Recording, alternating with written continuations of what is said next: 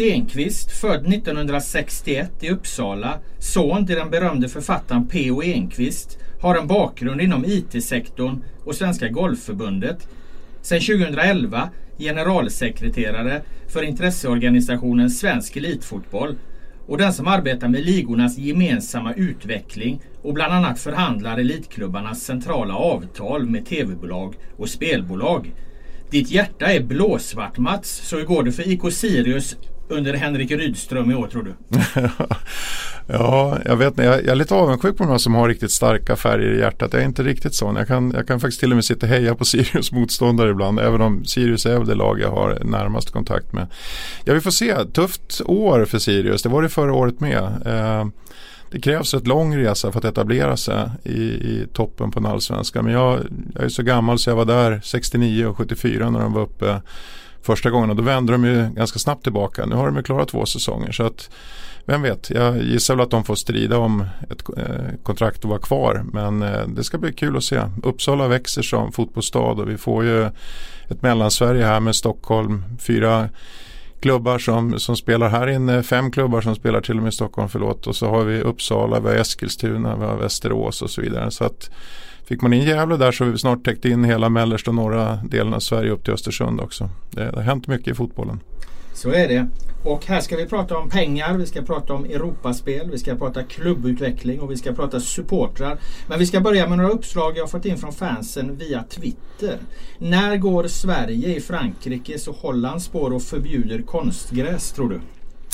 Ja, och i den här frågan får vi jättemycket. Dels får man backa hem till vad vi faktiskt har rätt att göra. Vi, vi kan inte förbjuda konstgräs, det, det, får inte ligan göra. Om inte klubbarna tycker att vi ska göra För ligan är ju ingen chef över klubbarna, det är faktiskt klubbarna som är vår chef. Däremot har klubbarna bett oss göra en, en utvärdering av hybridgräs som är väl kanske det mest realistiska alternativet till konstgräs just nu. Eh, hur väl funkar det? Och vi ser nu arenor, senast var det nu nere i Malmö där man har lagt hybridgräs, i Växjö har man lagt det och några ställen till. Så att det gäller att få en känsla för hur funkar det i vårt nordiska klimat. Och man inser ju när man har sett andra ligor har, har av olika skäl både ekonomiskt och klimatmässigt gått över till konstgräs som ändå ligger betydligt bättre klimatmässigt än vad vi gör. Så för oss är det nog en fråga där eh, inte kommer att handla om att ligan förbjuder det. Det tror jag kommer bli jättesvårt. Men att klubbarna väljer någonting annat. Kan man tänka sig att man, eh, du pratade om geografiska områden innan. Där kan man tänka sig att man från liksom man gör undantag för lag från en viss breddgrad men, men eh, tvingar liksom lag från Stockholm och neråt att faktiskt eh, hålla till på gräs. Eller hybridgräs då som du nämnde. Ja, och det roliga all, alla vill att i vissa lägen så är det jättebra om ligan tvingar när man känner för det men annars ska ligan hålla fingrarna borta.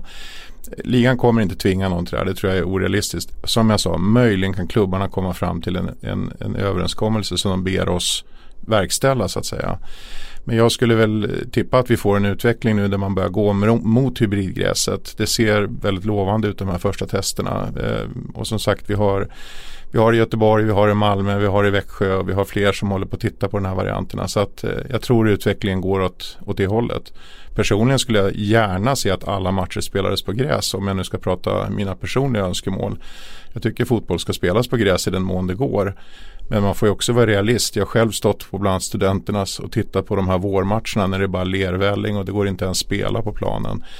Eh, det har hjälpt svensk fotboll att kunna spela på kvalitativa planer och träna på dem också i mycket längre tid. Så att hybrid är väl en kanske bra kompromiss hoppas vi. Ja, I år är det väl Kalmar, AIK, Falkenberg, Helsingborg och Sirius som spelar på gräs. Sirius ska ju lägga konstgräs 2020 då så sen eh, är det bara fyra lag då ifall inget händer. Är det rimligt ändå liksom att eh, Sveriges högsta, högsta serie bara har fyra, fem lag faktiskt som spelar på riktigt gräs? Ja, alltså det är en smakfråga där. Vissa tycker det är jättebra just därför att man har fått upp spelkvaliteten och träningskvaliteten och andra tycker det är skräp just därför att fotboll ska spelas på gräs. Så att jag, jag, inte, jag kan bara säga att utvecklingsmässigt så har svensk fotboll definitivt på elitsidan tjänat på de här eh, konstgräsplanerna. Vi har fått upp kvaliteten, det är ingen tvekan. Frågan är bara om det är den långsiktiga lösningen. Och, och, som sagt, jag personligen hoppas mycket på de här hybridlösningarna.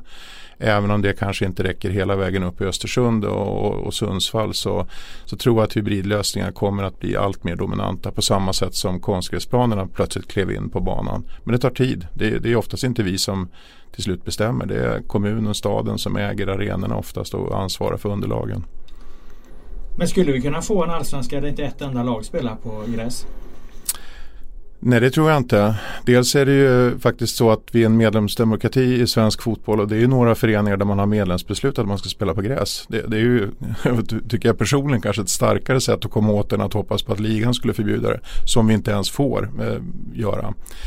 Så att eh, nej det kommer inte ske utan vissa klubbar antingen på grund av att man har råd till det eller att man har den typen av arena eller att man har den typen av medlemsbeslut. De kommer att fortsätta spela på gräs, det är jag helt säker på. Och lägg till då hybridplanerna som nu kommer med, med Göteborg, med Malmö, med, med Öster som har eh, lagt till det så är jag säker på att trenden går åt det hållet snarare än åt andra hållet. Eh, du pratar mycket om hybridgräsen då, men de drar ju enorma mängder energi vad jag förstår. Hur ser du på det ur ett hållbarhetsperspektiv? Tar fotbollen verkligen sitt miljöansvar genom att gå mot eh, hybridplaner som ju är en enorm miljöbov? Ja, oj, om jag var expert på det här så skulle jag jättegärna svara på frågan, men det, det, är jag inte. Eh, det här är bättre att egentligen prata med, med de städer och kommunförvaltningar som sköter planerna. Det här är långt ifrån vad ligan är expert på. Så jag vet faktiskt inte, jag har, jag har inte ens koll på jämförelserna mellan de tre olika huvudplantyperna. Så att eh, jag får passa på den tyvärr. Det är ju en fråga som blir allt hetare annars, eh, just eh, hållbarhet och, och, miljö. Hur ser du på den eh, i ett större perspektiv för fotbollen? Är det något ni, som kommer tvinga fram förändringar inom fotbollen? Ja, det tror jag. Det kommer tvinga fram förändringar i hela samhället eh, överlag tror jag. Och vi, vi är inget undantag. Vi är en del av, av Sverige. Vi med. Just nu tror jag vi fokuserar om man säger från ligan som har ett ganska, man får skilja oss från vad lagen är. Lagen är de som har arenorna och evenemangen och så vidare. Vi, vi tittar väldigt mycket på hållbarhet från ett lite annat perspektiv, inte kanske framförallt miljöperspektivet för det ligger närmare klubbarna och arenorna egentligen. Eh, men det är, det är hållbarhet utifrån ett eh, samhällsansvar överlag. Att, att titta lite grann på vad gör vi för att ge tillbaka till det samhälle som vi finns i. Det kommer vi lägga jättemycket energi på och lägger betydligt mycket mer energi än kanske folk vet om. Man borde inte SEF också gå i, i bräschen liksom i i miljöfrågan så att säga att, att driva fram en mer hållbar fotboll? Ja vi ska absolut inte vara i, i bakvattnet på frågan. Så att, men, men jag säger samma sak där. Det är, vi har vissa arbetsuppgifter och det är de våra klubbar vill att vi ska driva. Vi är inte samma sak som förbundet som yttersta ansvaret för hela fotbollen. Så egentligen ska du kanske om man mer generellt ska se hur fotbollen ska drivas i de här frågorna så ska du nog ställa frågan till förbundet. Du skickar den vidare? Ja, på sätt och vis. Alltså, därför att vi har helt enkelt inte det ansvaret. Det är om klubbarna vill att vi ska driva den här frågan, då gör vi det naturligtvis. Men, men just nu har vi inte det uppdraget. Och ni har inte fått några propåer från klubbarna att ni ska driva? Nej, inte där. Men däremot när det gäller CSR som sagt. När det gäller samhällsansvaret i övrigt så där har vi definitivt fått uppdraget. Så det, det jobbar vi hårt med. Vi har ju heltidsanställt Beatrice Clark som kom från Fryshuset tidigare för att jobba med den frågan också. Just på grund av att vi fick det uppdraget. Hur mår svensk elitfotboll skulle du säga? Alltså SEF, intresseorganisationen? Ja, SEF som egen organisation är väl eh, i ganska bra läge nu. Vi satte igång ett förändringsarbete från 2012 när vi drog igång det här och eh, börjar väl se frukterna av det nu. Eh, vi har med, med det ligan kan göra. Man måste ju förstå att vi är inte är ett lag. Vi har inga matcher, vi har inga lag, vi har liksom e- egentligen ingenting av det roliga utan vi, vi ska ju stötta våra föreningar. Men jag tror att det, det, vi kom fram till 2012 att vi eh, inte bara kan se en liga som 16 eller i det här fallet två ligor och 32 lag och så blir det någon sorts helhet av allting. Utan istället säga att okej okay, det finns 32 lag, två ligor och så finns det en organisation som ska sätta ihop allting. Som blir ett kitt mellan de här bitarna. Och driver vissa frågor centralt medan andra frågor drivs på, på klubbnivå. Det har nog varit väldigt lyckosamt. Så på det sättet är vi ganska välmående just nu. Vi har lyckats leverera mycket av det klubbarna ville att vi skulle leverera och vi har en spännande tid framför oss när vi går in i 2020 med publiksiffror som är upp mellan 40 och 60 procent. Vi har ett helt annat klimat i supporterdialogen. Vi har en, eh, vi sa att vi skulle försöka dubbla intäkterna eh, tillbaks till klubbarna. Vi har tredubblat dem så att 2020 blir ju jätteviktigt för, för många föreningar att hänga med i sina serier. Så ja, det, det ser väl ganska bra ut även om mycket återstår. Er organisation har väl vuxit ganska snabbt. Hur många anställda är ni på SEF? Ja, just idag är vi 11. Vi var 6 när jag började. Eh, vi blir 13 fasta anställda när våra två sista fasta rekryteringar kommer in nu första mars. Det blir Svante Samuelsson och Lena Engström som kommer in Eh, då är vi... Jag hörde att ni var en bit över 20. Men Ja men vi, vi, får skilja lite grann på sak och sak. 13 som är fast SEF-anställda, jag kommer till det. Sen har vi i våra projekt eh, som ofta är då externfinansierade så måste vi genomföra grejer. Man går inte från 250 miljoner i omsättning till 750 utan att behöva göra lite arbete också. Så då har vi projektanställda i framförallt kanske IT-projektet som är en stor del av satsningen. Så då är vi 22 kanske totalt, ett niotal till ungefär. Jag kan inte svära på ex, men ja, det tror jag är ganska bra. Mm. Närmare värde. Hur finansieras ni? Är det via eh, klubbarnas då centrala tv och spelavtal? Det, det, där ja. liksom avlönar er personal så att säga genom att ta pengar därifrån? Ja, det, det, kan man säga. Klubbarna är ju egentligen helt och hållet den som bestämmer över, över verksamheten och det uppdraget vi fick då 2012 att, att bygga upp organisationen och att satsa på de här utvecklingsbitarna. Det får man säga, det finns ingen självändamål att SEF ska bli särskilt stora men, men eh, 13 fasta anställda och ett säg, tiotal då ytterligare i projektform för att driva en eh, verksamhet som, som närmar sig tre kvarts miljard. Det, det är inte, och, och, med hela den elitfotbollsbiten, det är nog inte en orimlig storlek på verksamheten. Om man jämför med eh, ishockeyn lite som kan vara intressant så har ju allsvenskan har ju direkt upp och nedflyttning till skillnad från hockeyn då där inget lag åker ut direkt. Vad är fördelen tycker du med ett öppet system som i fotbollen och tycker du att man borde tillämpa hockeymodellen med ett mer stängt seriesystem istället? Vi har tagit ganska stark ställning för att den gamla modellen, alltså vi är väl lite gamla romantiker alla, alla överlag, jag tror det gäller hela fotbollen. att eh, det spelar ingen roll om det är små klubbar som kliver upp, har de gjort det så välkomna och det ska finnas en möjlighet att, att vandra i systemen. Och vi har ju sett flera klubbar som det är faktiskt ganska kul att att de rör sig. Så nej, vi har ingen ambition att stänga ligorna och vi gör det inte av något kommersiellt skäl utan vi kommer vara 100% kvar på sportslig grund. Det finns inte ens en diskussion om någonting annat. Från och med 2020 så ger ju de centrala spel och tv-avtalen eh, 750 miljoner kronor till svensk elitfotboll. Hur mycket är tv och hur mycket är spel av de här 750 årliga miljonerna? Ja, jag får inte kommentera tv-avtalet av kommersiella skäl men eh, ni i media har varit ganska duktiga på att räkna ut ungefär hur mycket i alla fall. Eh, vi vet och kan kommunicera att eh, avtalet med Unibet som vi kliver in i det har ju varit offentligt. Det ligger på ungefär 150 miljoner per år. Ehm, och Skulle tv-avtalet då enligt en ganska enkel matematik ligga på någonstans runt 600? Ja, det, och det är en matematik. Sen har vi några andra partners också. Men, men återigen. Jag... 150 miljoner någonstans. Det är väl det som har stått i media. Nickar Mats sen, sen ska man säga en sak också. Och det är att vi gjorde ju om grunderna för hur ett tv-avtal ser ut. Så det tv-avtalet som vi nu har tecknat när vi går in i nästa år med, tillsammans med Discovery. Vi, till våran chock så blev vi plötsligt nedkallade till Sportells gala i Monaco. Det är inte riktigt där vi brukar bli inbjudna kan man säga. Och, och vann faktiskt otroligt nog eh, pris som, som eh, det bästa eh, tv-sportavtalet i hela Europa. Eh, I krig med alla de stora ligorna och stora aktörerna. Och det var inte för att det var mest pengar för då är vi lite körda. Det, det är fruktansvärda pengar ute i Europa på sina ställen. Men däremot att det var det mest kreativa avtalet. Det vill säga vi förändrade grunderna i hur samverkan ser ut mellan en rättighetsägare och en rättighetsköpare. Man, tidigare var det ju mest att man försökte få så bra pris som möjligt, eh, lite vanvördigt uttryckt och sen så skickade man över alla rättigheter och sen sågs man om fem år och började om förhandlingen. Medan avtalet med Discovery nu kommer att vara en partnersamverkan på helt nya nivåer. Där, där vi står faktiskt för mycket, mycket, mycket mer av att eh, skjuta in i paketet än vad man kanske gjort tidigare. Vilket också ger oss lite andra möjligheter. Så att utanför avtalet så ligger ju också en hel del rättigheter som vi nu kommersialiserar. Så att eh, vår förhoppning är väl att vi kan gå ännu lite högre. Det ger i alla fall omkring då eh, totalt över sex år eh, 3 miljarder kronor. Eh, hur tycker du att det tv-avtalet står sig gentemot andra jämförbara ligor och ishockeyn till exempel? Nej, men det står sig bra nu tycker jag absolut. Och lägg till dessutom de andra så står det nog väldigt bra till och med. Eh, vi, vi tecknar ju definitivt på det där med, med riktigt bra sinne. Nu, nu är det ett eh, avtal där vi står starka. Och det går aldrig riktigt jämföra. Hockeyn har ju betydligt fler matcher än oss och det, det vet ju du som mediaman att man köper naturligtvis produkter. Man köper, och vi, vi är ju på fotbollen, vi levererar för två ligor 480 matcher. Och hockeyn ligger på 600 50-70, jag vet inte vad det är, något betydligt fler matcher än vi på en liga. Så 14 lag ska dela på intäkten för 600 plus produkter och vi ska ha 32 lag som ska dela på 480 produkter. Så sett per match då ligger vi bra till vad, det, vad vi faktiskt får betalt för matcherna. Sen ska vi dela på många fler och det är färre matcher vi levererar. Så att, att vi ligger uppe på de här nivåerna det är vi väldigt glada och stolta över. Vad kommer fansen kunna se Allsvenskan från 2020? Man kommer nog kunna se den på flera plattformar men jag är inte helt säker än vart det landar. Det... Har du någon kontroll över det när ni gör ett avtal? Eller?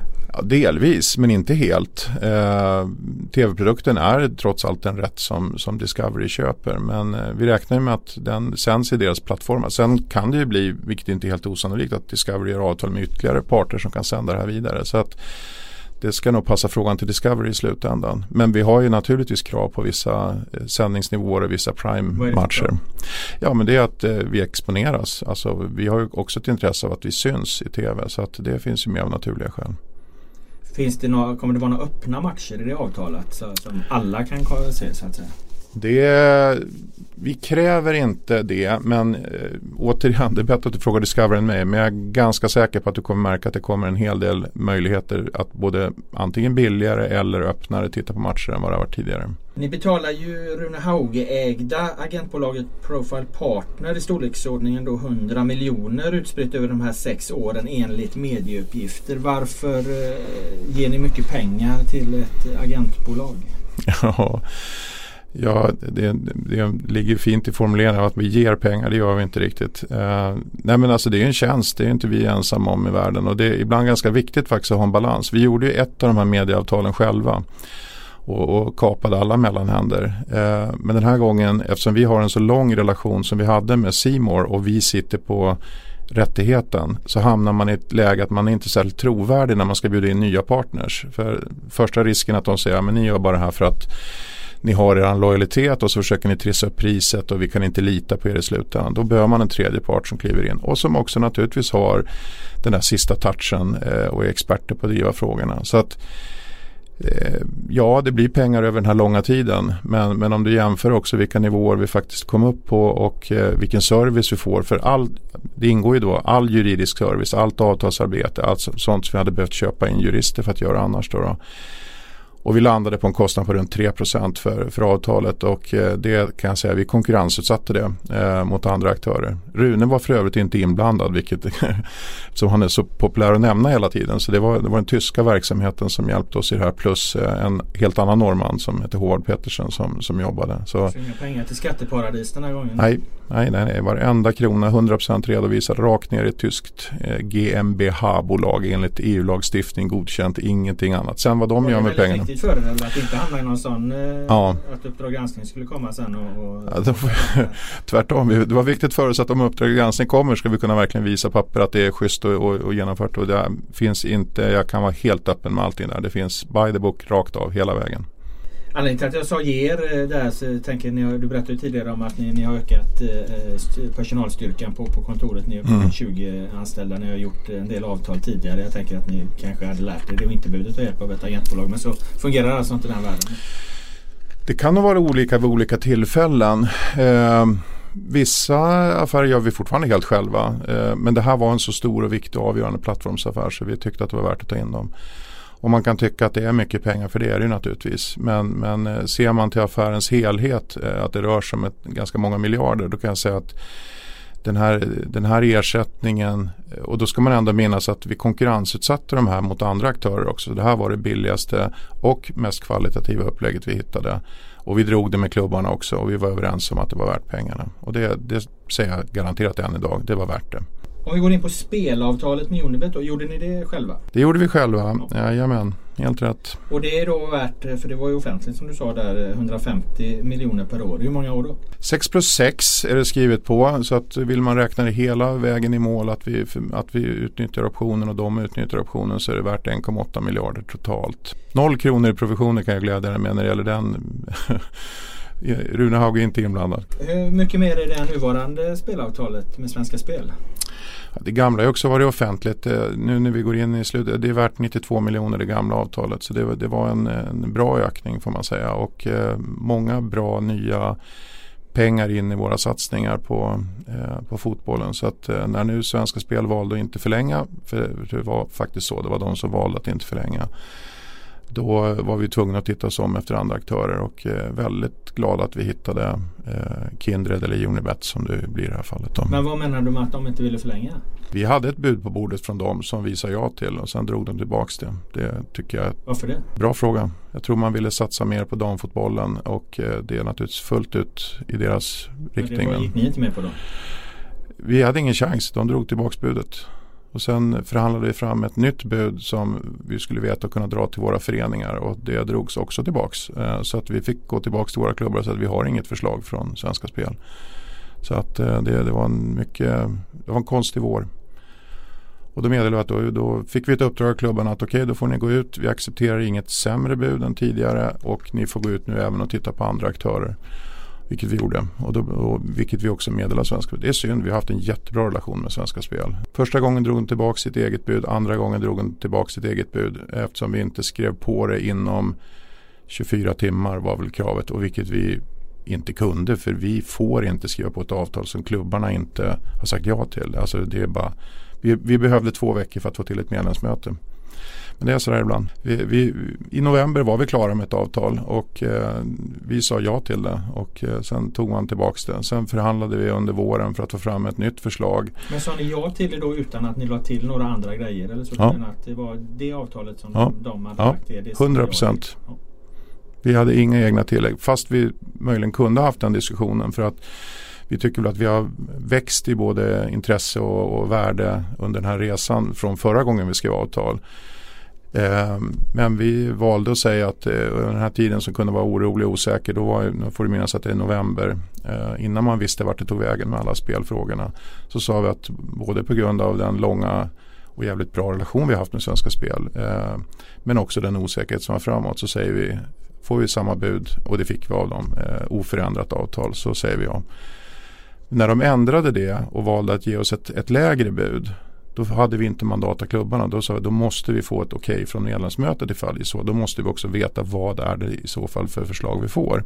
Lägre än 92 miljoner då? Lägre än 92 miljoner. Och i och med att vi inte då, vi fick det men med kravet att vi skulle skriva på på morgonen efter. Eh, och vårt mandat kommer ju bara från klubbarna. Klubbarna sa ni får enbart skriva på ett oförändrat avtal eller bättre. Och eftersom vi då fick ett avtal som var lägre så sa vi då måste vi ta det via medlemsmötet. Och det hade vi den 29 mars tror jag det var, eller det var 30 mars. Eh, så det var inte, eller maj förlåt. Eh, så det var inte några, det var två veckor emellan tror jag. Jag tror vi fick budet den 14. Men då sa Svenska Spel, då drar vi tillbaka det. Då får ni inte dra det här till klubbarna heller. Och då var vi tvungna att gå ut och titta på andra aktörer.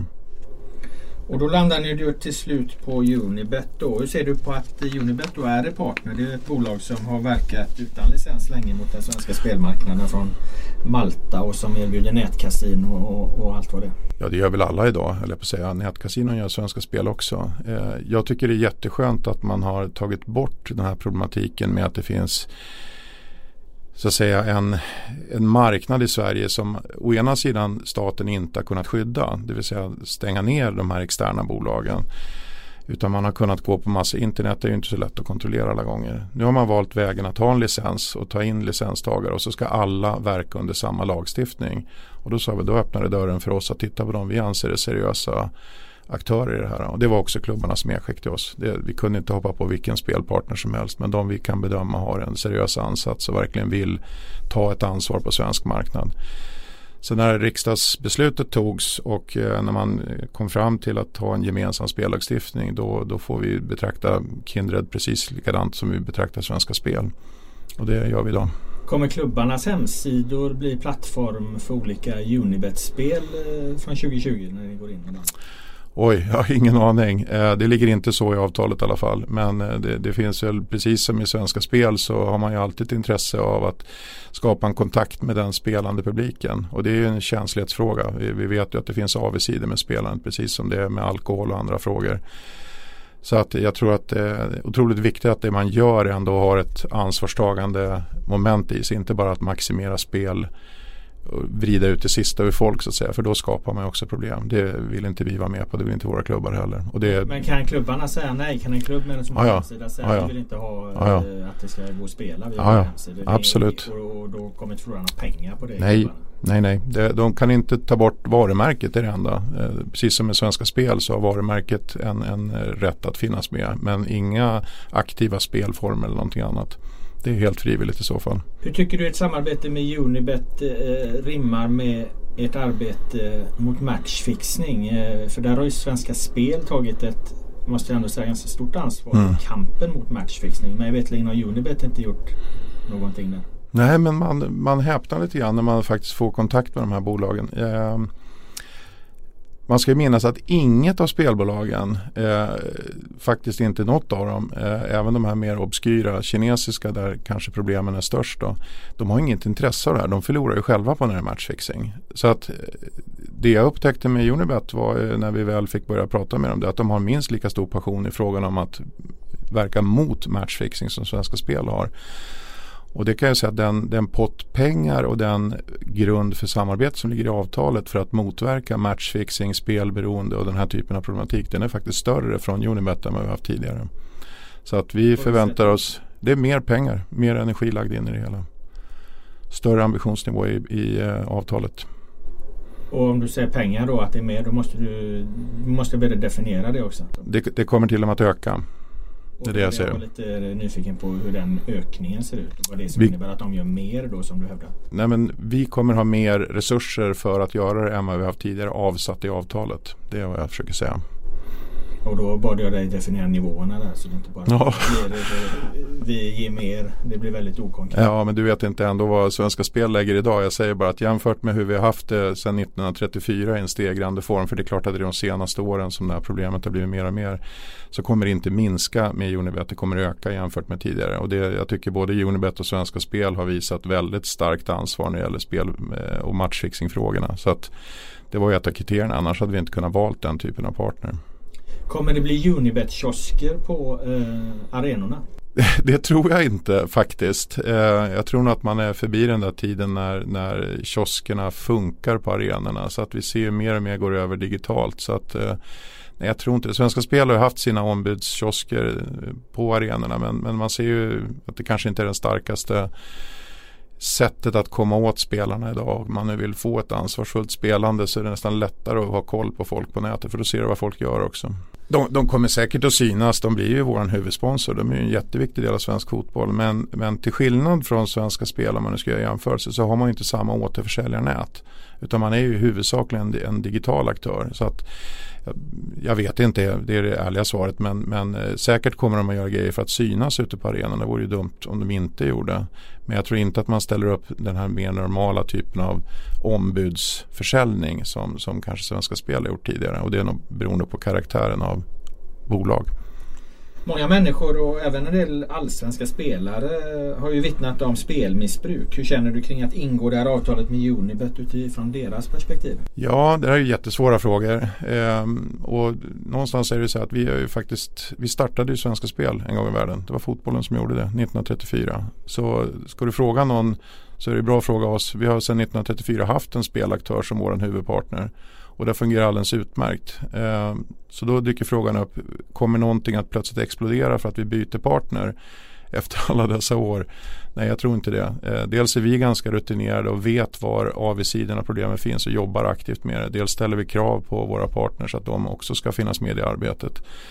Så att jag tror eh, då ska man möjligen välja att, att man inte ens hade velat befatta sig med Svenska Spel en gång i världen. Men jag ser, jag ser ingen eh, ny demon som hoppar fram just för att vi får Unibet. Tvärtom. Men eh, i takt med att den här digitala världen utvecklas. är ju aggressivare än eh, Svenska Spels. Eh, det, det låter som du ser, ser som att ni kan kontrollera dem. Just Unibet kan jag ärligt talat inte säga att jag har riktigt den uppfattningen. Men, men skulle det vara så då kommer de att precis som alla andra få Eh, Ehm, jag, jag, upplever att det finns en hel del spelbolag som är väldigt aggressiva idag. Alltså väldigt aggressiva. Och jag kan inte säga att jag räknar in Unibet i det. Men det, men det är bättre att de får ta ställning för det. Jag och vi tycker att de i alla fall har skött sig på det sätt vi kan förvänta oss. Vad tycker du att SEF och klubbarna har för ansvar gentemot fotbollsspelare som har ett problematiskt förhållande till spel?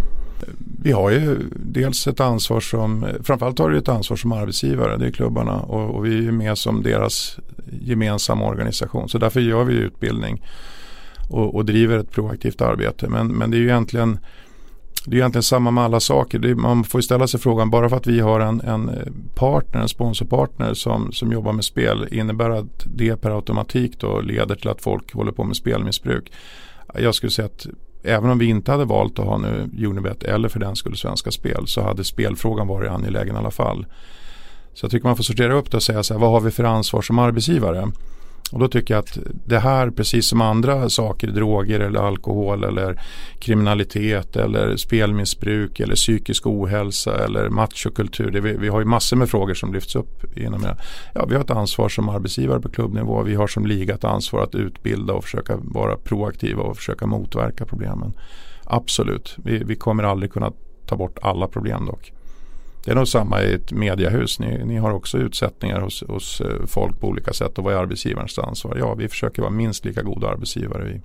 Det är en oerhört bevakad fråga, särskilt just nu kring, kring spelreklamen. Då. Eh, hur ser du på om, om regeringen skulle gå i en riktning mot Italien och förbjuda spelreklam? Vad skulle det innebära för det avtal till exempel med, med Nej, jag tror inte det spelar så stor roll. Vad jag förstått så har det mer handlat om den här ganska aggressiva reklamen i, i tv och media just nu som, som tränger rakt in i skinnet på folk. Eh, återigen, sedan 1934 har vi varit vana vid att eh, Svenska Spel har funnits på våra tröjärmar och, och, funnits med kring fotbollen. Det är ju den typen av reklam vi möjligen då finns med i och den har så vet jag vet inte alls samma karaktär. Den, den är på en helt annan nivå. Så att jag är nog precis som alla andra svenskar ganska less på spelreklam just nu om jag ska vara helt ärlig. Det, det, har 88 bolag eller vad det är som, som ska kriga ut och ta marknadsandelar och en del kanske inte gör det så jäkla snyggt heller alla gånger. Det tror jag är förödande för hela spelbranschen och de behöver nog sanera sig själva lite grann. Men jag räknar inte in de här stora företagen. De tycker jag tar ett helt annat ansvar. Och tittar du lite grann på annonserna så märker du skillnad. Helt klart. De här aggressiva är ofta de små bolagen. Om Uppdrag granskning knackar på Bosse Anderssons dörr och frågar eh, eller påstår då Unibet har inte samma ansvar för spelberoende som Svenska Spel. Varför samarbetar ni med dem? Vad råder du Bosse att svara? ja, jag ska inte råda Bosse att svara någonting. Och jag vet inte vad han säger. För att han har ju för det första än så länge inte insyn i vad vi kommer göra tillsammans med Unibet. Det, det har, så långt har vi inte kommit än. Men jag skulle säga ring Mats Enqvist skulle vara ett bra svar förmodligen. Så kan jag åtminstone försöka tala om som jag gör för dig nu att eh, det ligger pengar och eh, ambition i arbetet att, att motverka spelmissbruk. Ja. Jag tänker att mm. klubbarna hamnar i en, eh, kan hamna i en tuff situation i och med att det är en så bevakad fråga och, och, och då ska de liksom stå bakom här ett, ett ja. avtal med, med, ett, med ett spelbolag som i alla fall ännu så länge tror jag väcker en del eh, misstänksamhet hos folk just eftersom de inte har funnits på den svenska marknaden. Ja. De har agerat utanför den och, och, och så här. Och, och, det är klart att det kan ju bli att klubbarna också måste svara på, på, på mm. frågor kring det. Nej, men vi, som jag sa, vi, vi kör ju all vår förankring där är ju via våra medlemsmöten och klubbchefsmöten framförallt och det är väl de två forumen som så det här har vi dragit med klubbarna. Vi har varit överens eh, rakt igenom. Och det är klart att eh, vi måste naturligtvis stå upp och förklara hur det här ser ut och det är därför jag säger att vi kommer att göra ansatser när det gäller spelmissbruk, eh, matchfixing eh, och andra typer av problem runt som är minst i linje med det vi har gjort tidigare. Och det är väl det enklaste svaret. Sen exakt hur detta utformas vi vet ju vad vi gjort hittills och det är ju det här utbildningsprogrammet som vi gör och vi vet vad klubbarna har gjort för att ta steg vidare. Vi vet hur förbundet agerar, vi vet Fredrik Gårdare som är inne kring och med, med hans poliser som vi har drivit på för att få Ja, det lär fortsätta men med oförminskad kraft och förmodligen med ytterligare lite mer resurser. Då. Tycker du det är rätt att beskriva 2019 som ett ödesår? ja, någon, någon sa ödesår och det är om man råkar ut för något öde då. Eh, för det är klart det är inte roligt att åka ur superettan i år. Framförallt kanske det är inte så kul att åka ur eh, allsvenskan heller inför 2020. För det blir ju ett hopp. Eh, nu, nu, går pengarna upp nästa år lite mer, eh, inte bara linjärt utan det hoppar till nästa år. Så det är nog viktigt att, att, haka på och det, det, på det sättet. Men, men eh, någon annan sa att det är ett mellanår. det är också en variant. Vi går in nu i en, en ny era, en plattform där vi vet att eh, vi har etablerat en ny lägstanivå kan man säga då, för, för verksamheten från 2020 fram till 2026. Och, eh... Mother's Day is around the corner. Find the perfect gift for the mom in your life with a stunning piece of jewelry from Blue Nile. From timeless pearls to dazzling gemstones, Blue Nile has something she'll adore. Need it fast? Most items can ship overnight. Plus, enjoy guaranteed free shipping and returns. Don't miss our special Mother's Day deals. Save big on the season's most beautiful trends. For a limited time, get up to 50% off by going to Bluenile.com. That's Bluenile.com. 2020 är bara startåret. Ehm, så det är trist att inte hoppa på plattformen. Ehm, men eh, det kommer gå det med. Vi ändrar inte så dramatiskt inte minst via de kurvor som finns nu i fördelning och annat som klubbarna har tagit så går det faktiskt att komma tillbaka även när, när nivåerna går upp. Det är tuffast för kanske ner mot division 1 men de, de, har egentligen aldrig haft särskilt starka resurser och eh, jag vet att man jobbar jättehårt inom ettan fotboll för att lyfta, lyfta ambitioner även där. Så att, nej, jag, jag tror det kanske är viktigast för toppklubbarna om jag ska vara helt ärlig. För kickeffekten på de som är absolut där den gör att de kan närma sig Europa ytterligare ett steg. Och eh, jag tror inte det spelar lika stor roll faktiskt för de övriga 25-27 klubbarna som... Men jag tänker om man är en mellanstor klubb i, i Allsvenskan nu och, och vad ska vi ta? Ta Elfsborg någonstans. De är väl tia på, på den ekonomiska Elfsborg kommer aldrig acceptera att du kallar dem för en mellanstor klubb, så alltså du vet. Ja, men säg att de åker ur Allsvenskan i år och eh, ha, får ett par tre år i, i, i superettan. Kommer de då vara så långt efter Allsvenskan att det blir snudd på omöjligt att ta sig tillbaka och bli en, en, bli en mellanklubb i Allsvenskan? Ja, nu, nu kommer Andreasson aldrig förlåta mig om jag spekulerar att de åker ner i Superettan. så att det ska jag inte på ett sätt göra. Men om vi, om vi tar... Göteborg, om vi tar, tar Kalmar, ta något annat. jag, jag lovar, ingen av de där kommer förlåta mig. Men om vi tar, okay. om vi tar principen då, för det är klart du har en poäng. Om man är en klubb som har hamnat lite grann i, i mellanläge, för nu går ju lite grann några tåg, det märker man. Malmö har tagit en helt egen position under ganska lång tid och, och har tagit en väldigt stark. AIK gör en intressant och spännande resa. Norrköping har gjort en spännande resa. Hammarby har sin modell på resa som också är jättespännande och vart Djurgården tar vägen det vet vi fortfarande inte riktigt. Det, där ligger också potential med, med några till. Och det är klart, de klubbar som har potential att haka på den här toppen men istället får problem och hamnar neråt. Ja, det blir en tuff uppförsbacke, det får man nog säga. Skulle man göra det precis just nu i det här läget så är det nog sällsynt dåligt år att, att åka ur allsvenskan. Eh, det, för då är nog resan tillbaka rätt tuff. Vad tycker du om det då? Att det blir så? Nej, men jag tycker att det är ganska naturligt. Det, det är så vår serie ska fungera. Eh, det är det bittra. Går det bra för dig så får du stora fördelar. Går det inte så bra så åker du ut. Och istället så kommer något annat lag upp. Eh, och det är det som är skillnaden mellan en stängd liga där vi prioriterar att vissa lag ska få fördelar. Eller en öppen liga som vi har nu där den bittra verkligheten kan hinna ikapp. Så att det är det här klubbarna taggas av. Det är klart som 17 att alla klubbar kämpar för att inte hamna i den där situationen. Men vad tjänar man egentligen på att öka klyftorna i en eh, fotbollsverksamhet? Liksom? Nej, men jag tycker inte vi ökar klyftorna. Eh, man får nog vända på det. Vi skulle kunna ta bort alla pengar och spela ren amatörfotboll. Och det, då inser man ju snabbt att det kanske inte heller det, det, skulle göra det lättare för att alla lag hade exakt samma resurser då. Men, men eh, som fotbollen ser ut idag så vill man ju ha sådana här matcher som Malmö-Chelsea eller derbyn i Stockholm. Eller, vi skulle gärna få tillbaka lite mer tryck i Göteborgsderbyna också. Eh, Helsingborg är tillbaka i allsvenskan så där kom ett Skånederby upp igen. Eh, alla de där är ju kronjuveler för oss. Eh, och det är klart pengar är en förutsättning. Annars tappar vi alla våra spelare till utlandet. Nu har vi chansen att behålla lite fler spelare. Vi har chansen att börja ha lite starkare, bredare trupper så vi orkar med att både satsa på ligan och kanske klara kvalet till Europa etc. Så att, nej, jag tror inte att alternativet är att ta bort pengarna. Eh, nej, det sa jag inte. Jag sa bara äh. att klyftorna ökar ifall du ser någon fördel med det. Men jag, jag, tror inte de ökar. Det, det, är mer pengar men det är exakt samma klyfta. Eh, kommer ni ligga kvar på fördelningsprincip? Vad har ni haft? 75 till Allsvenskan och 25 mm. till Superettan? Den behålls den principen? Ja, så länge klubbarna säger det. Vi hade ju en diskussion uppe om det här nu för ett tag sedan och det slutade med att klubbarna sa nej vi, vi vill behålla det. Hur länge gäller det? tills klubbarna säger något Har annat. ni tagit ställning till de nya pengarna? Alltså det kommer ju då in 750 miljoner i Mm. storleksordningen där från 2020. Och har ni tagit ställning då till fördelningsprincipen kring hur detta ska fördelas eh, från 2020? Ja, alltså vi har tagit ställning så tillvida att man har valt att ligga kvar med nuvarande modell hittills. Ehm, och det, alltså det tog ju två år att diskutera fram den här modellen därför att återigen jag säger det verkligen med efter Vi bestämmer inte över det här. Det är inte våra pengar. Så när jag säger vi SEF då. Det här är klubbarnas pengar. Och det är en jäkla grannlaga uppgift att få 32 klubbar med olika förutsättningar enas om en modell. Då säger folk, ja men det är omöjligt, det är bättre om ligan eh, griper in. Nej men gör inte så. Vi, vi, vi jobbar verkligen genom frågan. Och det får man nog säga är fördelen med nuvarande modell. Det är att vi har en ganska bred accept. Sen kommer alltid någon att tycka att jag skulle vilja ut mer eller jag skulle ändra på någonting. Men det är naturligt. Vill man det då gör vi om samma resa igen.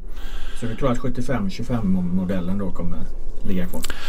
Ja, tills någon säger något annat. Och jag, jag tror... Det är, så jobb, det är så stort projekt. Nej då, nej, inte för att det är så omöjligt projekt. Men jag, jag tror framförallt om jag ska vara riktigt ärlig. Ingen av klubbarna tror jag har sagt någonting annat än att modellen egentligen är ganska bra. Möjligen vill man tweaka lite grann på procentsatserna. Ska det vara 75-25 eller 77-23 eller 80-20 med, med de nya pengarna som kommer in? Eller ska det vara kurvans lutning ska vara så här mycket inom respektive liga eller ska det vara fem års resultat eller ska man räkna tio års resultat för att beräkna sin position och så vidare. Men, men eh, återigen, det är den enda diskussionen som varit uppe. Jag tror att modellen som sådan eh, är ganska väl accepterad idag. Utan det är nog snarare frågan, behöver den skruvas lite på eller inte? Och just nu har klubbarna inte bestämt sig för att skruva på den. Då. Vad ungefär kommer ett allsvenskt lag vara eh, garanterad i minimum från 2020?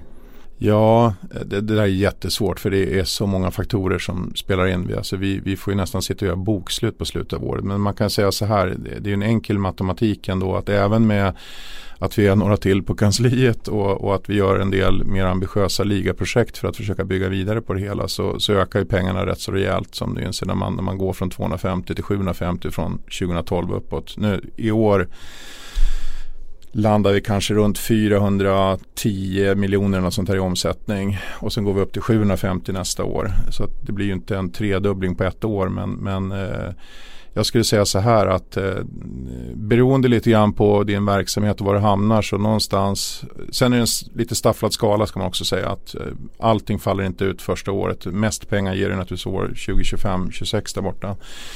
Men eh, någonstans mellan 75 och 100 procents ökning får man nog, eh, någonstans där får man räkna. Men varje klubb måste. Man då. Ja, vi går ju ut, vi garanterar ju inte mer än de pengar vi har. Mm. Men den effekten kommer det bli. Eh, sen slår det ju jättemycket. Om vi tar de här klubbarna, du nämnde till exempel Elfsborg. Ett par placeringars skillnad i nästa år slår ju på deras långtidsschema så det kan skilja miljoner i utbetalning på, på den här modellen. Så att det är svårt för mig att säga exakt hur det slår på varje klubb. Från det de har fått idag, om allt annat är lika, så, så kan man räkna med att det kommer att vara en ökning på 75% och högre om, om ingenting annat förändras. Ja. Så det, det är en ganska stor förändring. Så en klubb som får 10 miljoner kommer få 20 miljoner eller 17 miljoner lite beroende på faktorer och så vidare. Men det, det är klart att det är, en, det är en skillnad mellan 19 och 20 som är rätt så stor i alla fall. Snittlönen är uppe i 100 000 i månaden. Eh, 2021 kommer den kanske vara uppe i 150 000 i månaden. Ja. här. Eh, hur ska ni undvika att eh, de här pengarna ni drar in bara hamnar i spelares och i viss mån agenternas fickor? Då? Ja, det här är ju jättekul. Vi pratar rätt mycket om det på, på våra möten. Men först och främst får man ju säga att det, det, det är ju, till slut är det ju klubbarna som måste försöka hålla emot. Eh, jag tror nog spelarna gärna ser en ökning på, på det hela och, och det är klart att i ett fritt samhälle så får man räkna med det också. Vi behöver ju hålla emot så om man ska vara sitta på mitt lilla isberg och titta ner på fotbollen skulle jag säga att vi skulle behöva hålla emot så att våra talanger kan stanna några år till innan de sticker utomlands. Det, det tror jag är det enskilt viktigaste vi kan göra. Sen är det jättekul om vi kan locka en del stjärnor att stanna något år till eller någon hemvändare och komma hem istället för att avsluta i Turkiet eller i Kina eller något sånt där. Så kan vi öka styrkan lite grann till. Kan vi dessutom öka bredden i truppen så att vi orkar med de här olika. Alltså att både klara ett Europakval, kuppen och ha full satsning på ligan. Ja, då börjar vi komma upp i en internationell konkurrens vilket skulle vara jättebra för oss också. Men det är ju vad jag tycker. Det vi har pratat om är ju att vi, vi väljer att investera en del av den här ökningen även om det inte är så mycket i helheten i att fortsätta den här satsningen på IT-systemet. Eh, vi har valt att satsa på futsal eh, som ett komplement till, till det vi håller på med. Och vi har valt att satsa på e-sport eh, som också ett komplement för att bygga det här intresset kring ligan lite mer året runt och inte bara våra 15 hemmamatcher alla klubbar har. Och vi har valt att satsa i år. Eh, den största framtidssatsningen det är klubbutveckling. Så vi kommer bygga ett eh, utbildningsprogram tillsammans med Handelshögskolan för klubbarna. Så nu kan man säga att ligan har tagit en del steg framåt som klubbarna bad oss göra och samtidigt sa klubbarna att nu ska vi göra samma sak på klubbnivå och, och det är väl det steg vi tittar på nu. Hur kan dels det vi har tagit fram och den kompetens vi har byggt, hur kan det stötta alla föreningarna men också hur kan vi hjälpa föreningarna att bli lite mer långsiktiga och bygga kompetens på sikt så att de kommer upp på den här. Idag är det ju framförallt de allra största klubbarna som har långsiktighet och har liksom orkat ha kompetens. Så det blir väl en viktig fråga. Resten av pengarna kommer att gå ut till klubb, den absoluta lejonparten och då är det väl upp till klubbarna att bestämma om man ska betala samma spelare dubbelt så mycket eller om man ska börja fundera på hur man använder lönepotten. Lön kommer alltid vara en stor del av klubbens verksamhet. Men eh, det är egentligen så man kan beskriva det. Alla de här liksom ekonomiska ökningarna, den största delen hamnar ändå i, i spelarnas fickor. Det, det är liksom ett kretslopp som, som går. Liksom och, så, så, såg du, jag såg den här vår, vår eh, fantastiska analytiker Osynlig Handeln som dominerar på Twitter ofta. Han hade la ut en bild, man, man såg lönebudgeten mellan Chelsea och eh, Malmö FF. Och Malmö ligger väl tyngst i Sverige idag på 10 miljoner euro och Chelsea hade 247, alltså 2,5 miljard i lönebudget på sin spelartrupp jämfört med, med, med Malmö på 100. Om den går upp då med några miljoner så, så är det jättekul för de spelarna men det, det är inte en förändring i grunden mot, mot frågan som är ute i hela Europa idag. Hur stor obalansen är. Vi har en väldigt jämn liga när vi tycker att kanske Malmö och några till springer ifrån så är det fortfarande en öppen liga.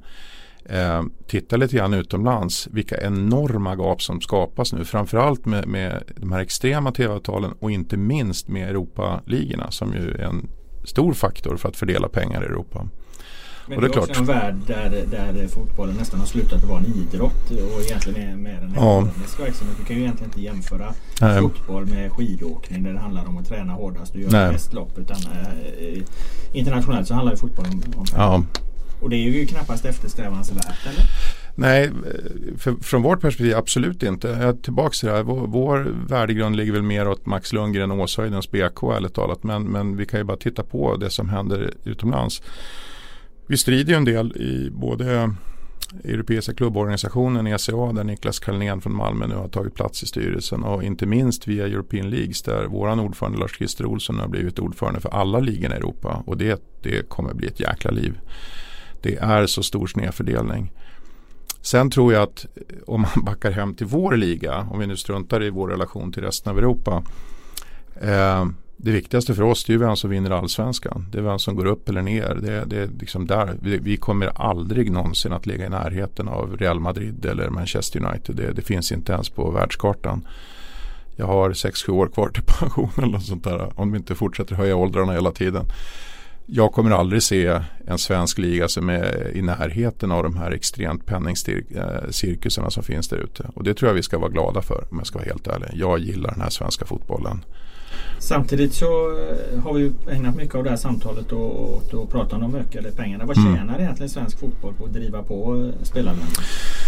Ja, alltså det vi tjänar är ju möjligheten att ha en lite bredare trupp. Att kunna ha ett bättre underhållningsvärde så att folk tycker det är kul att titta. För det är inte så jäkla roligt om vi har jättedåliga trupper och jättedåliga spel. Då tröttnar ju publiken också. Va? Nu tycker jag vi har en, en ganska bra nivå. Vi, vi skulle inte behöva en miljard till eh, euro eller något sånt där för att få ihop ett bra spel. Det är bara att titta på Malmö-Chelsea. Det är klart att det är David mot Goliat men det var en rätt underhållande match och jag tyckte Malmö visade att svensk fotboll med 10 miljoner euro presterar ganska väl mot 247 miljoner euro. Och det ser vi på många lag idag. Och den feelingen ska inte vi jämföra med Europa. Vi försöker låta bli det. För vi, vi kommer alltid hamna i bakvattnet. Däremot vill vi behålla spelare lite längre som jag sa. Vi, alltså våra talanger, de unga. För det är ett gissel för oss. Att när unga spelare kommer upp så det finns bra forskning på det här. Om de etablerar sig i allsvenskan eller åtminstone superettan ett par år innan de sticker utomlands då ökar chansen enormt för att de ska kunna lyckas. Eller ännu värre om man vänder på det. Om de sticker innan när de bara upptäcker sitt eh, ungdomslag och så drar de så är chansen att de misslyckas i princip 100%. Det är ytterst få, det är en eller två bara som har lyckats den vägen. Och det är så tragiskt att se unga spelare som förstörs på det. Och det är inte bara i Sverige, det här är massor av ligor. Borde AIK väntat med att sälja Alexander Isak? Nej, men det kan jag inte säga. Han har ju ändå etablerat sig, det får man ju säga. Så att, eh, men visst är han ung. Eh, men han hade ju etablerat sig. Jag, jag pratar om de som inte ens kommer upp i ett A-lag. Det sticker alltså hundratals ungdomar under ytan mot de här rika ligorna som bara fångar upp dem och sen efter tre veckor skickar man ner dem till ett division 2-3-lag i sitt land och det, det orkar inte unga spelare. Och där kanske vi har möjligheten att bli bättre med våra akademier, eh, med våra talangsatsningar och kanske också med de lönerna så att vi kan ge dem en trygg tillvaro tidigare. Att de inte måste ta det här snabba klippet. Jag får en miljon om jag drar till Roma nästa vecka och så vidare. Det, det, det är nog det viktigaste tror jag. Finns det med några riktningar på det i eh, när pengarna nu ökar då att ge att det ska gå mer pengar till akademi, gå mer pengar kanske till unga spelare så att de som du säger inte behöver sticka ut i en osäker tillvaro i Europa? Ja, vi, vi har pratat i nästan tre år nu tror jag inför det här. Och klubbarna har ju sagt klubbutveckling som jag nämnde, akademierna är ett prioriterat område, eh, supporterfrågan är ett prioriterat område. För det vi kan göra, alltså man måste förstå vad svensk fotboll kan vara bra på. Vi, vi, kan inte kriga med Real Madrid eller lönebudgeten i Chelsea eller United och så vidare.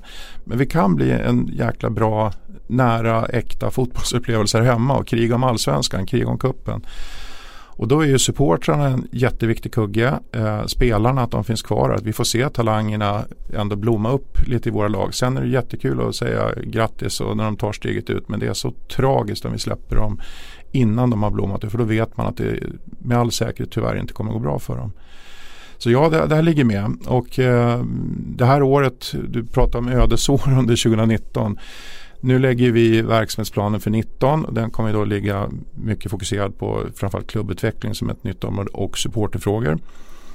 2020 som ju då blir första året med, med de här nya nivåerna det ska diskuteras nu under sommaren och hösten vad vi lägger energin på där. Så det, men ja, alla de där frågorna finns med. Sen vet jag inte exakt vad vi kommer att bestämma i slutändan för det är klubbarna som bestämmer. Vad lägger du i ordet klubbutveckling då? Eh, för du antyder ju att ligan egentligen har utvecklats snabbare och bättre än vad klubbarna har gjort ja, sanning med modifikation. Man kan säga utifrån vad ligan ska hålla på med så tycker jag att vi har tagit steg, steg framåt och verkligen förändrat vad vi är. Om du, om du tittar på SEF hur vi såg ut 2012 och så tittar du på SEF ser ut idag så jag är säker på att du kommer hitta betydligt fler än att du bara mäter att vi har blivit ungefär dubbelt så många anställda.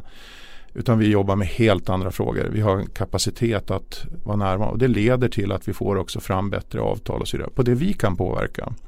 En del klubbar har gjort samma sak. Titta på Hammarbys publikresa som de gjorde från ett publiksnitt på 6000. Ett stolpskott från att åka ur eh, i superettan till och med. Till att vara den här kokande kitten som är på alla matcher på Tele2 idag. Det bygger en stor klubb. Malmös resa där man, man kliver vidare. Norrkö alltså det finns ett antal klubbar som har börjat resor att säga att vi ska förändra oss själva som klubb. Vi ska bli starkare i det vi gör. Vi ska hitta våra unika grejer.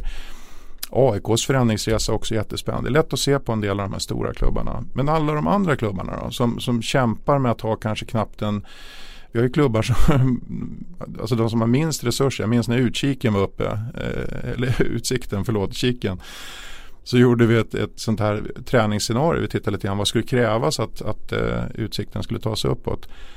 Då sprack modellen därför att du kunde inte öka procenttalet anställda för, som krävdes. För, för, du kan inte öka noll i procent. Det, det, blir fel. Du kan inte öka noll med 150 procent för det blir fortfarande bara räknefel.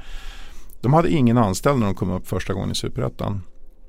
Och så upp då till, till klubbar som omsätter många hundra miljoner och har jättestaber vad kan vi göra i Degerfors? Vad kan vi göra eh, i de olika klubbarna som finns i det här skiktet? Man kanske inte själv alltid har orkat driva utveckling. Ja, men då tillför vi resurser, kompetens, kunnande, försöker jobba med långsiktighet. Då kan de växa på sitt område och, och det kommer naturligtvis vara så att olika klubbar har olika ambitionsnivå eller olika potential. Men jag kan påstå att alla klubbar tillsammans med det vi driver nu. Eh, tillsammans kan vi bli snäppet bättre. Ligan kan bli bättre, klubbarna kan bli bättre. Vad är visionen för det då? Ja, vi pratade om Nordens bästa liga som någon sorts vision för oss. Nu pratar vi om Nordens bästa klubbar men det, det, vi har inte riktigt något bra namn på det än. Men vi tittar på ett par olika paket som vi släpper nu och som klubbarna har sagt ja till. Och vi ska ta ekonomiska konsekvenserna av nu på marsmötet här. Eh, ett, ett managementprogram för klubbarna tillsammans med Handels där vi kommer att satsa på att bygga en, en, en, eh, styrka och ett samarbete mellan föreningarna. För man krigar faktiskt på plan, man krigar inte på Excel-arket.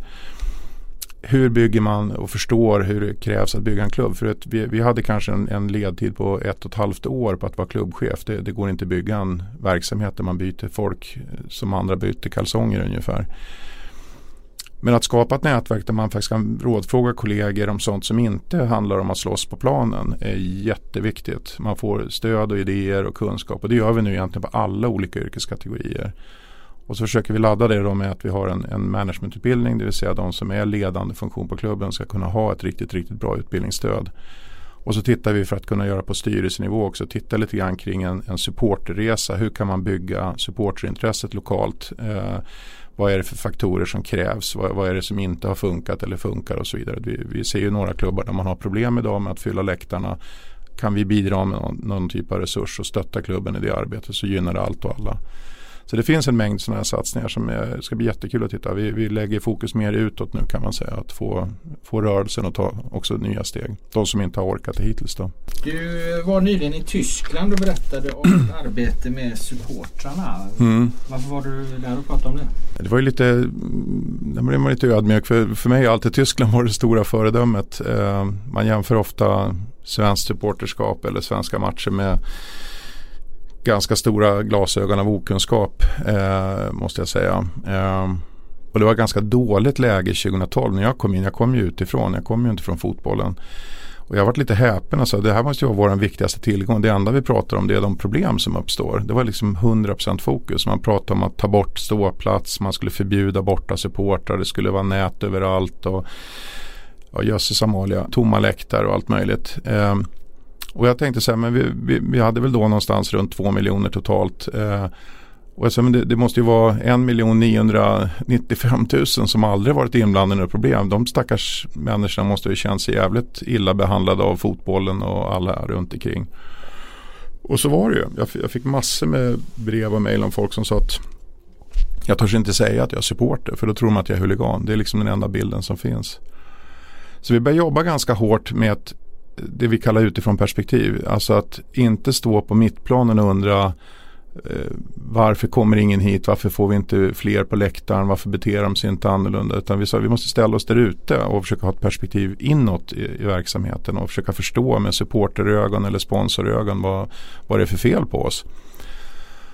Och vi började ganska tidigt med att knyta ett ganska fast handslag med SFSU, supporterföreningen. Förutom att vi faktiskt åkte runt väldigt mycket och träffade olika supportergrupperingar för att förstå, alltså bara förstå skillnaden på perspektiv. Och det visade sig att det dök upp en värld av en helt fantastisk engagemangsgrupp där ute. Och så är det några få som beter sig riktigt illa. Ja det är det. Men man måste ju våga se det som är bra. Därför att vi kan inte bara titta på det som är dåligt. Det, det var alldeles för mycket fokus på det ett tag. Och det tror jag har lett oss till ett arbetssätt som till och med eh, Bundesliga tyckte var bra. Att vi har valt att försöka hela tiden bejaka den positiva delen. Sen hanterar vi avvikelser. Och jag ska ge ett jätteintressant exempel. Förra årets mest, uppmärks alltså mest negativt uppmärksammade match, alla kategorier, och med all rätt får man säga, det var, det var ju derbyt mellan Hammarby och Djurgården. Och det hände två grejer där. Framförallt eh, i form att någon kastade en bengal upp mot familjeläktaren och en annan bröt loss en stolsrygg eller sits och, och kastade ner och den träffade en fotograf i, i bakhuvudet så han, han, fick sy. Och med all rätt blir folk helt galna på det där och det är otroligt irriterande. Eh, maskineriet tittade vi igenom för vi gör ju alltid utvärderingar av alla matcher. Både vi, klubbarna, eh, SLO-erna, förbundet. Eh, vi, vi samlas ju kring de här matcherna och går igenom allting. Och polisen. Och vi noterar att ja, de här två individerna blev, ju, blev gripna, identifierade och de blev också lagförda. Och så sitter vi på ett möte och alla har ju högt tonläge och är väldigt frustrerade över det här. Och så sa jag så här, kan vi inte göra bara en tankeövning? Eh, ta bort de där två personerna. Vi säger att de blev magsjuka på morgonen. De, hade, de dök aldrig upp. Så de där två händelserna inträffade. Hur skulle vi se på det här derbyt då? Och alla skruva sig, ja det var lite där, några små grejer och så, men nej, då, då, skulle vi ha sagt att det var 5 plus. Det var ett av de bästa derbyn vi hade på hela året om vi tog bort de där två enskilda händelserna. Inte perfekt, men, men väldigt, väldigt hög kvalitet. Men har det varit ett medvetet val att liksom SEF då mer har ställt sig på eh, fansens sida Eh, medan förbundet, Svenska fotbollsförbundet mer har fått framstå som lite bad guys. Så det här har liksom varit en, en masterplan. Som... Ja, det kan du nästan säga. Inte riktigt på det sätt du uttrycker det kanske eh, som någon sorts tanke. Utan det är med att förbundet har ju en roll att, att vara eh, dom domherre i, i de här frågorna. De äger ju disciplinärenden och annat. Men, men även där har det skett en jätteförändring. Alltså just i den här dialogen. Om man tittar på förändringen från det här gamla strikta ansvaret när man, man kastade böter eh, rätt på klubbarna och eh, straff och sanktioner ut mot alla supportrar kollektivt och så vidare. Så var det bara att konstatera, 20 års erfarenhet visade att det var fullständigt värdelöst men vi fortsatte med det. Och det drev vi igenom. Så vi delade upp det så att SEF jobbar med supporterdialogen och supporterfrågorna och förbundet är då den här myndigheten som hanterar disciplinfrågorna. Och förbundet ändrade den vägen. Så idag är det 95% av alla frågor går ner till föreläggande på klubb för att egentligen bara fixa förbättringar till nästa gång så är saken ur världen. Medan den här kastade bengalen och det ska lämnas över till polis för bestraffning. Och jag tycker det har varit en bra väg. Vi har inte fått bort alla problem, vi har fått bort bra mycket. Alltså med tanke på att vi har en publikökning och ett samhälle som dessutom är ganska stökigt i övrigt. Att, att öka 40-60% i publik och ändå ligga kvar eller till och med sjunka på flera av problemen. Det är ju Premier League åker hit och tittar hur vi gör. Eh, La Liga här och tittar. Eh, Liga A har varit hit och tittat. Men i den här uppdelningen mellan då er och förbundet så kan ju ni ibland eh, framstå som ganska populistiska?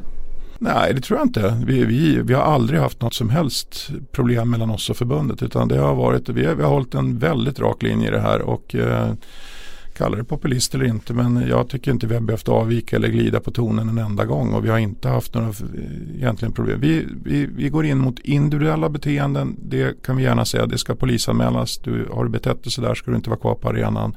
Vi går inte ut och fördömer hela kollektivet. Samma sak med klubben. Gör de fel i sitt arbete, då ska de ha ett straff. Antingen i form av ett föreläggande eller i form av böter. Men de här gamla idiotlösningarna, ursäkta uttrycket, med att man kastade ur sig blinda böter. Det tvättade ju bara nacken på några stycken som kunde gå ut i media och säga att ja, jag har gjort mitt, jag kastade ut böter. Och ingen var begåvad nog att ställa frågan, fick det någon effekt då? Därför det fick det inte. Det var till och med så när vi gick igenom det här så blev effekten det motsatta. Vi tittade på det och det visade sig att de klubbar som hade bäst säkerhetsarbete men jobbade i mest utsatt miljö. Och det är lätt att titta i Stockholm eller Malmö och Göteborg. Det är storstadsklubbarna. De fick ju mest böter för att naturliga skäl så är det ett stökigt samhälle man finns i så är det jättesvårt att stoppa allting och det händer saker. Så de fick mest böter. Vad händer? Blev det bättre på läktarna för att klubbarna fick böter? Inte ett dugg. Det som hände var att klubbarna sa att vi har inte råd med allt säkerhetsarbete så nu går vi ner på ett minimum för att ha råd med böterna. Då har man ett system som är åt skogen. Och det är inte populism. Och det har det inte varit när det gäller supporterdiskussionerna heller. Vi är populism jättetydliga. Kan exempel, populistiskt kan ju till exempel vara att, att, man väljer, som du är inne på, att lyfta fram de positiva delarna istället för att eh, uppmärksamma till exempel att det eh, bland många storklubbar och på deras läktare finns en ganska utbredd hatkultur också. Mm. Det är ett faktum som både du och jag känner till. Mm. Men det populistiska skulle vara att man blundar för hatkulturen, det gör vi inte. Hur hanterar ni den då? Exempelvis det som jag kan säga, vi släpper det här nu mot slutet av veckan. Vi har kommit överens, vilket tar ett tag att närma sig de här grupperna. Vi har kommit överens med supporterunionen SFSU och det släpper vi inte förrän senare till helgen eller början på nästa vecka troligen. Att göra något som är helt, helt unikt i Europa. Att vi tillsammans ska gå ut och börja jobba med de här både positiva men också negativa problemen som finns tillsammans. Inte att fotbollen försöker fightas med sina egna supportrar och supportrarna fightas tillbaks för det är ungefär trenden över Europa. Utan vi pratar att titta lite grann på vad, vad är speciellt med svensk fotboll och jag skulle säga att det som är speciellt det är när supporterkulturen och fotbollen möts och det funkar. Då menar jag inte hatproblemen, jag menar inte utan jag menar det som verkligen är bra. Titta på de enorma event vi har. Bejaka det, lyft det och sen arbetar man för att få bort de dåliga sidorna separat. inte låta arbetet mot de dåliga sakerna kväva allt jobb med det positiva. Och det går vi ut tillsammans nu, eller kommer gå ut tillsammans. Och det kan jag säga att att ha fått en så pass nära relation att man kan skaka hand mellan en supporterrörelse och en liga. Det kan du leta efter i Europa kan jag säga. Det kommer inte hända. Men det är alltså det du säger nu det är någon form av nyhet då att SIF mm. och SFSU då yes. Unionen går ut i ett gemensamt yes. eh, projekt. Var, var och, och, och där ligger ju dels att jobba med de goda sakerna men det ligger också områden där man måste titta på hur bearbetar man och får bort hatkulturen? Hur bearbetar man och får bort våldet? Hur bearbetar För de finns där. Men ens ambitionen att man är beredd att göra det tillsammans istället för att man gör det som ett påhopp på den andra parten. För det har alltid slutat med att det blir bråk mellan supportrar och klubb och det blir inget bättre av det. Och tittar du lite grann, för då säger någon att Ja, det, det, där var ju fina ord men det är bara snack. Det vore bättre att gå upp med batongerna och, och visa för en gång för alla vem som bestämmer. Ja, åk, åk runt på en studieresa i Europa och fundera och fråga de klubbar som har provat det hur, hur bra det har fungerat. Därför det är en otrolig okunskap i Sverige att man tror att hårdare tag och mer fördömande kommer lösa problemet. Dels glömmer man att vi har 20 år bakom oss där det inte har fungerat här hemma dels missar man allt det positiva som faktiskt har hänt här hemma. Vi, vi, vi är på väg någonstans tack vare att vi faktiskt har en väldigt bra samverkan med supportrarna. Och sen kvarstår de här sista problemen. Ja, hur kommer man åt dem?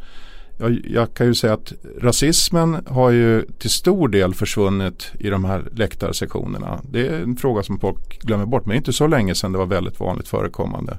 Och det är inte för att vi har bestämt det. Det har alltid varit olagligt. Men det är därför att supporterkulturen själv också har plockat upp frågan och sagt det här är inte okej. Okay. Och bangers, som ju ett tag var jättemycket bangers på våra arenor. Det kom vi också fram till gemensamt. Det här är inte bra för svensk fotboll på elitsidan. Det här är ingenting som gynnar vare sig supportrar eller spelare, tränare, funktionärer etc. Det här, det här leder till skador och, och bekymmer. Det är ingen stämningshöjare, det är ingen kul anarkistisk eh, kärleksyttring utan det här, det här är någonting sämre. Och de är nere på ett minimum idag. Helt borta är de inte. Det kommer alltid någon som inte har fattat det och kastar dem. Men de brukar bli snabbt uppläxade på läktarna. Så vad kan vi göra mer då? Och det är vad det här projektet handlar om. När kan vi ta nästa steg? En grej jag har tänkt på är ju Östersunds eh, supporterorganisation Falkarna. Där. De har mm. valt att, eh, att eh, att ta ett helt annat perspektiv på det och försöka framstå som någon form av motvikt till den här eh, hatkulturen. Det skulle kunna vara ett sätt att, att, att lyfta deras liksom, idéer men det upplever jag inte riktigt att man gör utan de, blir liksom, de, de, de kan snarare bli lite så här hånade av det, det stora supporterkollektivet. Att det är lite löjligt. Ja. Så är det ju något jävligt bra de egentligen försöker göra. Men det är också, tror jag precis av de skäl jag sa, att det spelar ingen roll vad du eller jag säger. En supporterkultur lever sitt eget liv. Och, och många av de här supporterkulturerna har en väldigt, väldigt lång historia som traderas från generation till generation eller vad vi nu ska kalla det. Och så dyker det upp en ny uppstickare som på kort tid kan forma helt och hållet sin egen supportkultur. Och det är klart att några kommer bli jävligt uppretade av det där. Och speciellt när det blir lite motsättningar i olika frågor. Så att eh, Östersund har väl skakat om fotbollssverige på mer än ett sätt får man säga. Eh, och det är jättekul att de jobbar med det men det är inte samma svar som gäller för övriga delar av Sverige. inte ens att det går att hitta ett enda svar för alla andra utan det, det, finns ett svar i AIK, det finns ett svar i Hammarby, det finns ett svar i Malmö etc. Det är det vi måste jobba med.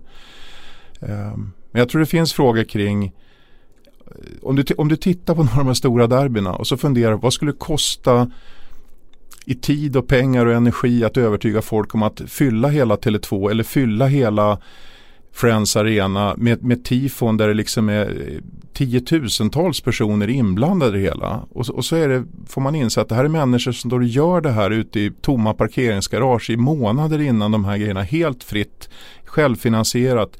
Men det går inte annat än att älska det. Och är vi så korkade så vi bara lägger fokus på avvikelserna och pratar om det, då tar vi ju livet av den här energin också. Så att jag tycker inte det är populistiskt, jag tycker det är bara ett vägval. Eh, och det... Ja, det var därför jag lyfte Falkarna. Eh, ett annat gott exempel kan väl vara IFK Göteborgs säsong här som hade ju en sportsligt väldigt besvärlig säsong men där man knappt såg en enda missnöjesyttring eh, från läktarna där man istället eh, eh stod bakom laget i ett storklubbsperspektiv mm. så är, är, det närmast unikt mm. med tanke på hur det brukar storma när storklubbarna uh, har kräftgång i sportsligt. Ja, men, men visst är det bra och, och jag kan ärligt jag, jag kan säga en sak som jag tror har varit mer bidragande än allting annat och det är SLO-orna. Det, det hävdar jag fortfarande var vårt absolut bästa och mest modiga beslut vi tog precis i början. Det var att det här projektet som hade startat upp av några klubbar och några företag från början på egen hand men låg och drev lite grann. Att vi tog det och drev det vidare och fortfarande håller det i, i luften och kommer att satsa ännu hårdare på. Det, men det var ju Uefa-beslut från början? Nej, inte för oss. Det var ett bör-krav. Så att i Sverige fanns det inget krav att vi var tvungna att ha SLO utan vi, vi bestämde oss för att finansiera fem SLO från början med heltidsersättning som vi tog från ligan. Det var inte helt okontroversiellt. Ehm, och idag är det väl så att nästan, jag tror det är 27 klubbar som har på ett eller annat sätt eh, en, en SLO idag. Målet är att alla 32 har det och att alla 32 har anställda SLO till slut. Men när du går in på en eh, arena, en allsvensk arena, en stormatch, ett derby eller ett, ett stort möte. Eh, vad upplever du då? För att bilderna är väldigt splittrade. En del som kommer in där de, de upplever ju liksom att här är det hatkultur och här är det könsord och här skrivs mm. det massa eh, vedervärdiga saker och ibland så mm. slåss mm. de. Och, Medan andra går in och känner den här liksom gemenskapen och, och, och stämningen och, miljön och, ja. passionen. Liksom, vad ärligt känner du när du går in på, på ett stormöte i Allsvenskan? Nej, men jag, jag känner att jag förstår båda sidorna. Jag tillhör nog mer de som, som ändå kan förstå eh, att, att det finns ett speciellt språk som kanske inte alla begriper och så vidare. Jag, jag säger inte att jag tycker det är bra men, men jag, jag blir mest tårögd när jag ser det här trycket som kan bli inne på en arena. Jag, jag får gåshud av det om jag ska vara helt ärlig. Men jag kan ju också förstå att de som inte är vana vid det här, de tycker att det är för jävligt vissa ramser som kommer och vissa språkbruk. Vi, vi gjorde en undersökning och tittade det största problemet vi har eh, när man tittar på publikundersökning vad de tycker om oss, de som kommer till arenan. Inte de som inte går alls för de tycker ofta väldigt mycket saker utan att ha sett det i verkligheten. Det är språkbruket. Det, det är inte alla de grejer, folk lyfter upp rök och bengaler och sådär men det, det, är inte på högsta nivån. Det som är nummer ett i, i grejer som gör att jag vill inte gå på fotboll det är språkbruk. Och det är inte klacken. Det är på långsidan. Och den är rätt fascinerande. Det är språket på långsidan. Det är inte språket i klackarna. Så visst det är en del ramser. De flesta förstår inte ramserna riktigt och hör dem inte i, detalj. Det, det, är vi som är lite mer insatta som, som precis hör alla elaka ord som sjungs ibland. Och, och de flesta fattar ändå. Det, det kanske inte är bra. Man kanske kan försöka jobba bort en del av de värsta övertrampen. Men det som hörs när du går dit med dina vänner eller med dina ungar eller någonting annat. Det är faktiskt på långsidorna. Det är när någon reser sig upp bakom och, och ja. jävlar ja. eller något sånt ja. som man ju kan höra. Ja. Mm. ja. Och i, och i, den enorma undersökning faktiskt gjorde av, av folks så att säga, uppfattning om fotbollen. Både de som är på arenorna, ofta besökare, olika sektioner på arenan. Även de som är sällan besökare och de som är utanför. Språkbruk, nummer ett. Nummer ett när det gäller positivt, det var inte fotbollsspelet, det var stämningen. Så det, det, är en ganska rolig undersökning att ligga och gräva i lite grann. Det visar hur viktiga supportrarna är för att det, det, det är det som gör att de flesta älskar att gå på fotboll, det är när det blir stämning. Det som gör att de flesta avtänder att gå på fotboll är språkbruk. Det är inte våld, bengaler eller rök. Det, det, finns med på listan men nummer ett är språkbruket. Det är ganska svårt att göra något åt va? Det är en ventil också fotboll? Eller ja, men det, ja det är en ventil men, men även här tror jag att man får om vi har tillbringat sju år med att eh, komma i ett läge när vi faktiskt eh, jobbar mer tillsammans med supporterrörelsen så får vi väl tillbringa sju år till med att fundera på hur vi jobbar med kulturyttringarna som inte riktigt kanske är helt okej. Okay. när jag pratar, om jag inte sätter mig på jag vet att du kallar mig pamp någon gång och jag brukar alltid reta mig på att bli kallad för pamp. När jag är ute och träffar de här supportrarna, för det gör jag. Eh, först blir man ju lite misstänkt mottagen eftersom man kommer från den roll man gör. Men sen när de fattar att jag kan prata svenska med dem också.